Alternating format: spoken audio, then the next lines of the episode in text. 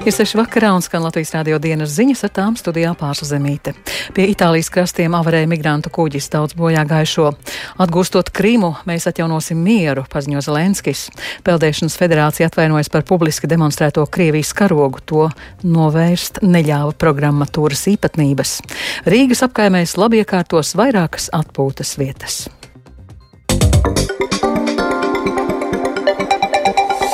Pie Itālijas krastiem avarējis kuģis ar vairāk nekā 200 migrantiem. Kuģis uzskrēja uz klintīm netālu no Kalabrijas austrumu piekrastes. Kā vēst Itālijas krasta apsērdz vismaz 45 cilvēki noslīkuši, daļa atrasti krastā, daļa jūrā. Starp noslīkušajiem ir sievietes un bērns. Turpina Rustam Šukurovs.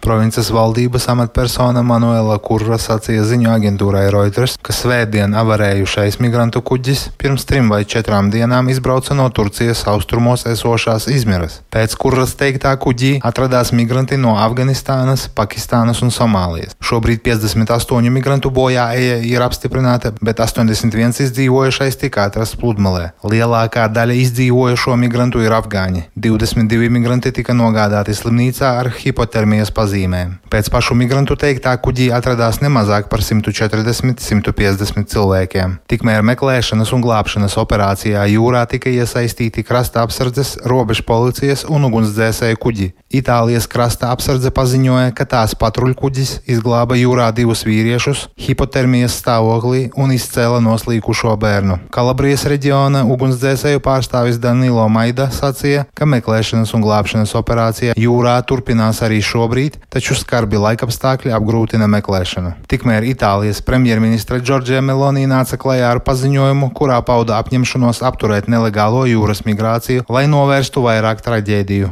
Valdība ir apņēmusies novērst migrantu izceļošanu un līdz ar to arī šādu traģēdiju izvēršanos, un turpinās to darīt. Pirmkārt, pieprasot maksimālu sadarbību no migrantu izceļošanas un izcelsmes valstīm, teikts Melonī paziņojumā. Tikmēr Romas pāvests Francisks, uzrunājot ticīgos svētā Pētera laukumā Romā, pauda nožēlu par zaudētām cilvēku dzīvībām pie Kalabrijas piekrastes. Stamattina Šorīt es ar sāpēm uzzināju par kuģa avāriju, kas notika pie Kalabrijas piekrastes. Jau atrasti 40 līķi, to starp bērni. Es lūdzu par katru no viņiem, par pazudušajiem un par pārējiem migrantiem, kas izdzīvojuši. Es pateicos tiem, kas ir snieguši palīdzību un tiem, kas sniedz viesmīlību, lai jaunava Marija atbalsta šos brāļus un māsas. Tikmēr Itālijas iekšlietu ministrijas dati liecina, ka kopš šī gada janvāra sākuma valstī ieradušies 14,000 nelegālo migrantu. Rustam Šukurovs, Latvijas Rādio. Atgūstot Krīmu, mēs atjaunosim mieru. Tā apliecina Ukrainas prezidents Valdimirs Zelenskis dienā, kad Ukraina atzīmē Krīmas pretošanos Krievu okupācijai. Pirms trim gadiem ar Zelenska rīkojumu 26. februāris oficiāli tika pasludināts par dienu, kad piemin Krīmas autonomās republikas un Sevastopolis pretošanos okupācijai. Tikmēr Ukrainas armijas zināls štābs vēsta, ka Krievijas karaspēks okupētajā Krimā pastiprina savu aizsardzību un uzstāda vairāk nocietinājumu. Lai būvētu nocietinājumus no Krievijas ceļa Ļabinskas apgabala Krimā ieradušies aptuveni 150 obligātā dienesta karavīru. Ukrainas armija būs gatava pāriet pret uzbrukumā pavasarī, un viens no strateģiskajiem uzdevumiem būs mēģinājums iedzīt ķīli Krievu frontē dienvidos. Pavēstīja Ukrainas aizsardzības ministrijas galvenās izlūkošanas pārvaldes priekšnieks vietnieks Vadims Skibitskis. Konkrēts uzbrukuma laiks ir atkarīgs no vairākiem faktoriem, arī no rietumu ieroču piegādēm. Skibitski citē Vācijas raidsabiedrība Deutsche Welle. Saistībā ar Krievijas-Ukrainas karu jācer uz labāko, bet jābūt gataviem sliktākajiem scenārijiem, arī iesaldētam konfliktam. Tā intervijā Ukrainas sabiedriskai raidsabiedrībai atzinis Čehijas jaunievēlētais prezidents Pēters Pāvels, uzsverot, ka Čehijai un tās sabiedrotajiem jāatbalsta Ukraina ilgtermiņa perspektīvā. Spānijas karaspēks nekad, nekad nepiedalīsies karā Ukrainā. Šādu nostāju intervijā vietējiem laikrakstam paudusi Spānijas aizsardzības ministre Margarita Roblesa, stāsta Rustams Šukūros. Spānijas aizsardzības ministre uzsvēra, ka kādas NATO dalību valsts tiešā iesaistīšanās karā Ukrainā ir absolūti neiespējams scenārijs un tas neeksistē. Spānijas karavīri iejauktos tikai agresijas gadījumā pret kādu no NATO valstīm. Nekad, nekad neviens karavīrs no NATO valsts, un Spānija ir viena no tām, nepiedalīsies karā Ukrainā, sacīja Roblesa. Atbildot uz žurnālistu jautājumu par Krievijas naftas embargo, Roblesa nedz apstiprināja, nedz noliedza informāciju par iespējamo Krievijas degvielas pārkraušanu tankuģos pie Spānijai piedarošās Seutas anklāva krastiem ar mērķi apiet Krievijas naftas embargo. Godīgi sakot, man nav informācijas šajā sakarā, sacīja Roblesa. Kāds vērīgs Latvijas rādio klausītājs bija pamanījis, ka Latvijas atklātajā čempionātā peldēšanā piedalās Krievijas sportiste. Televīzijas tiešaids titros tiek demonstrēts arī agresoru valsts karoks. Latvijas rādio lūdza situāciju komentēt Latvijas peldēšanas federācijas prezidentam Aivaram Platonovam. Viņš sacīja, ka te vainojama jaunā titru programmatūra, kurā nav iespējams nomainīt Krievijas karogu pret kādu citu simbolu. Nepilngadīgā sportiste pārstāv Latvijas klubu, jau vairākus gadus dzīvo un mācās Rīgā, bet ir Krievijas pilsone. Situāciju intervijā Mātiņam Kļaviniekam skaidroja Aivars Platonovs.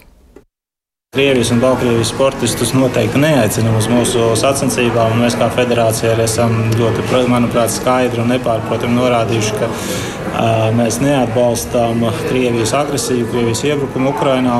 Nu, tāpat laikā uh, nu, jāsaka, ka situācija Latvijā tāda ir, ka mums ir samērā daudz uh, Latvijas rezidentu, nepilsoņu, kas dzīvo mācās un arī trenējās tepat Latvijā. Tā arī izsniedzot licences, nu, mēs saņemam datus no sporta skolām, no mūsu juridiskajiem biedriem, sporta skolām un klubiem. Un tur ir jaunieši, bērni. Pamatā mūsu gadījumā tie ir bērni līdz 16 gadu vecumam, kuriem ir šīs Krievijas un Baltkrievijas pasas. Nu, neuzskatām par Krievijas un Baltkrievijas sportistiem. Viņi, ja viņi pārstāv Latvijas klubus. Jā, viņi ir Latvijas rezidenti, viņi pārstāv Latvijas klubus. Un, nu, šobrīd jau, nu, es teiktu, Latvijā mēs jau tomēr neīstenojam tādu segregāciju, ka visi tie, kas šeit ir no Krievijas, Baltkrievijas, nu, ka viņi tiktu izraidīti vai viņiem būtu aizliegti piedalīties izglītībā, interešu izglītībā vai profesionālās ievirzes izglītībā. Tā kā, jā, nu, viņi caur šādu veidu startē. Jā, man, protams, ir nepatīkami un bija nepatīkami redzēt, ka parādās šis Krievijas karoks titros. Tā ir vairāk tāda tehniska nianse, jo sistēmu mēs īstenībā šobrīd testējam.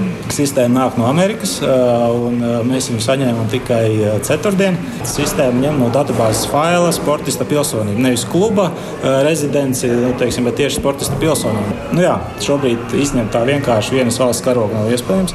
Mainīt sportista pilsonību mēs teiks, tā pašrocīgi arī nedrīkstam un nevaram, jo tad tā ir no startautiskās federācijas būtu risks, ka netiek atzīti rezultāti. Tad uh, publiski, protams, jā, man jāatvainojas, tie, tie, kā tas ir aizskārs, ka parādās šis Krievijas karoks. Bet ar IZM esat runājuši, nu, vai tas viņiem kaut kā, kā saka, neduras ministrs acī, vai jo ministrs nostāja diezgan kategoriski? Nē, mēs par šo neesam runājuši. Jā, bet nu, es domāju, viņi jau ne tikai sporta skolās trenējas, viņi noteikti arī apmeklē visticamāk vispārējās izglītības iestādes, mm. jā, un tās arī ir uh, publiskā finansējuma organizācijas. Es stipri šaubos, ka mums tagad būtu jāpasaka nē pilnīgi visiem ar Krievijas pasēm, tīpaši, ja tie ir uh, cilvēki, kas šeit dzīvoja jau vairākus gadus, tie ir bērni.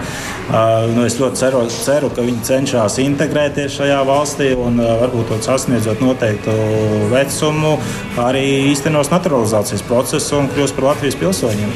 Tā Latvijas Peldēšanas federācijas prezidents Aivars Platonovs.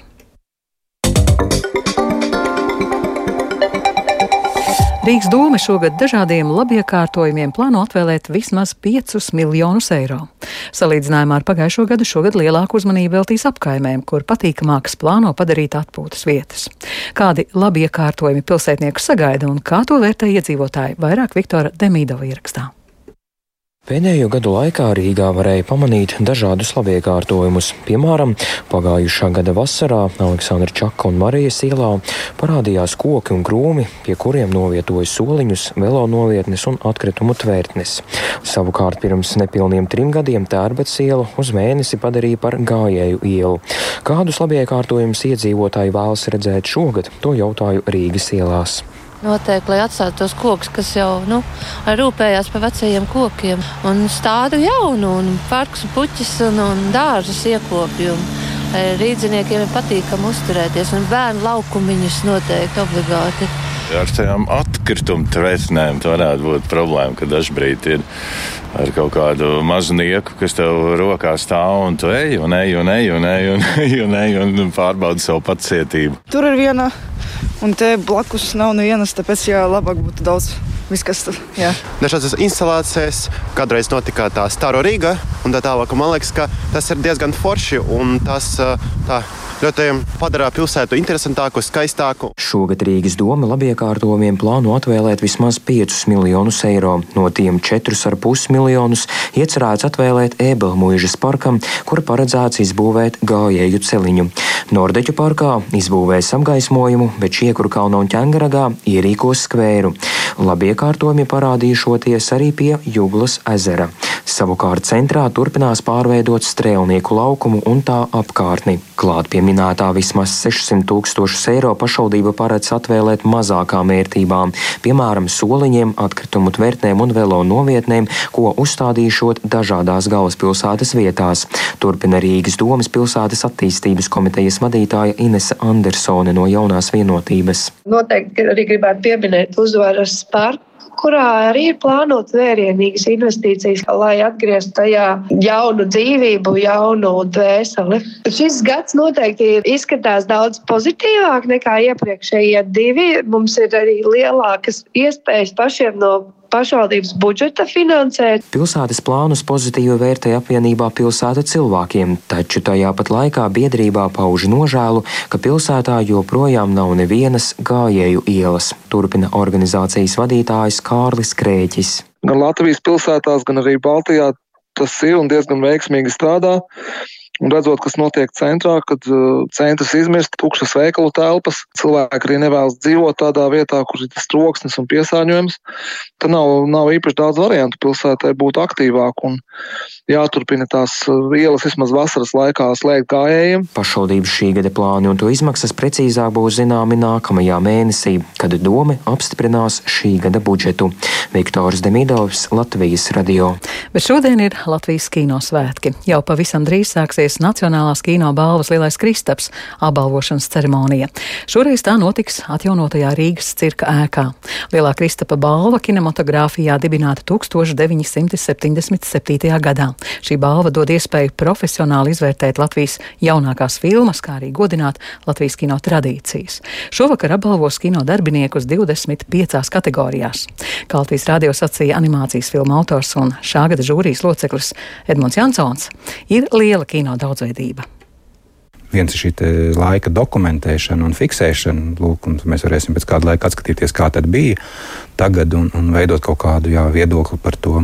Bet otrs, man kā sabiedrības daļai, mēs tomēr dzīvojam tādā, nu, kaut kādos izteiktos tādos burbuļos savos un rotējam un bieži netiekam vispār ārā. Dokumentālais kino ļauj mums kaut kā pārkāpt šo burbuļu robežas un ieskatīties citos burbuļos, uzzināt kaut ko, manuprāt, tas ir ļoti veselīgi. Un šī gada dokumentālās filmas piedāvā ielūkoties daudzos un dažādos burbuļos.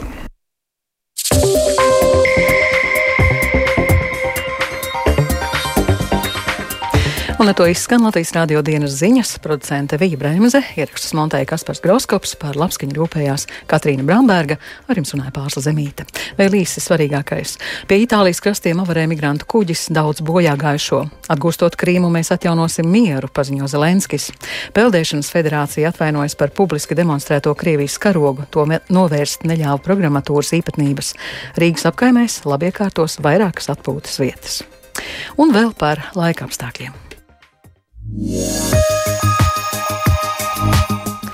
Latvijas vidas geoloģijas un meteoroloģijas centrs informē pat labi Rīgā mīnus 3 grādi, ziemeļvējš 5 m2, gaisa spiediens 763 mm, gaisa relatīvais mitrums 72%. Rīt Latvijā gaidāms neliels mākoņu daudzums, nakts sākumā vēl galējos austrumos neliels sniegs, bet dienā bez nokrišņiem. Atsevišķos posmos ceļi būs slīdeni. Naktī ziemeļu, ziemeļrietumu vējš 2 līdz 7 m2, dienā vējš būs lēns 1 līdz 4 m2. Gaisa temperatūra Temperatūra naktī - minus 8, minus 13, vietām austrumos līdz minus 18 grādiem, kurzemē piekrastē - minus 4, minus 8. Dienā valsts rietumos - minus 1,2, austrumos - minus 1, minus 5 grādi. Rīgā bez nokrišņiem gaisa temperatūra naktī - minus 10, minus 12, dienā - 0, minus 2 grādi. Laika tips otrais - labvēlīgs.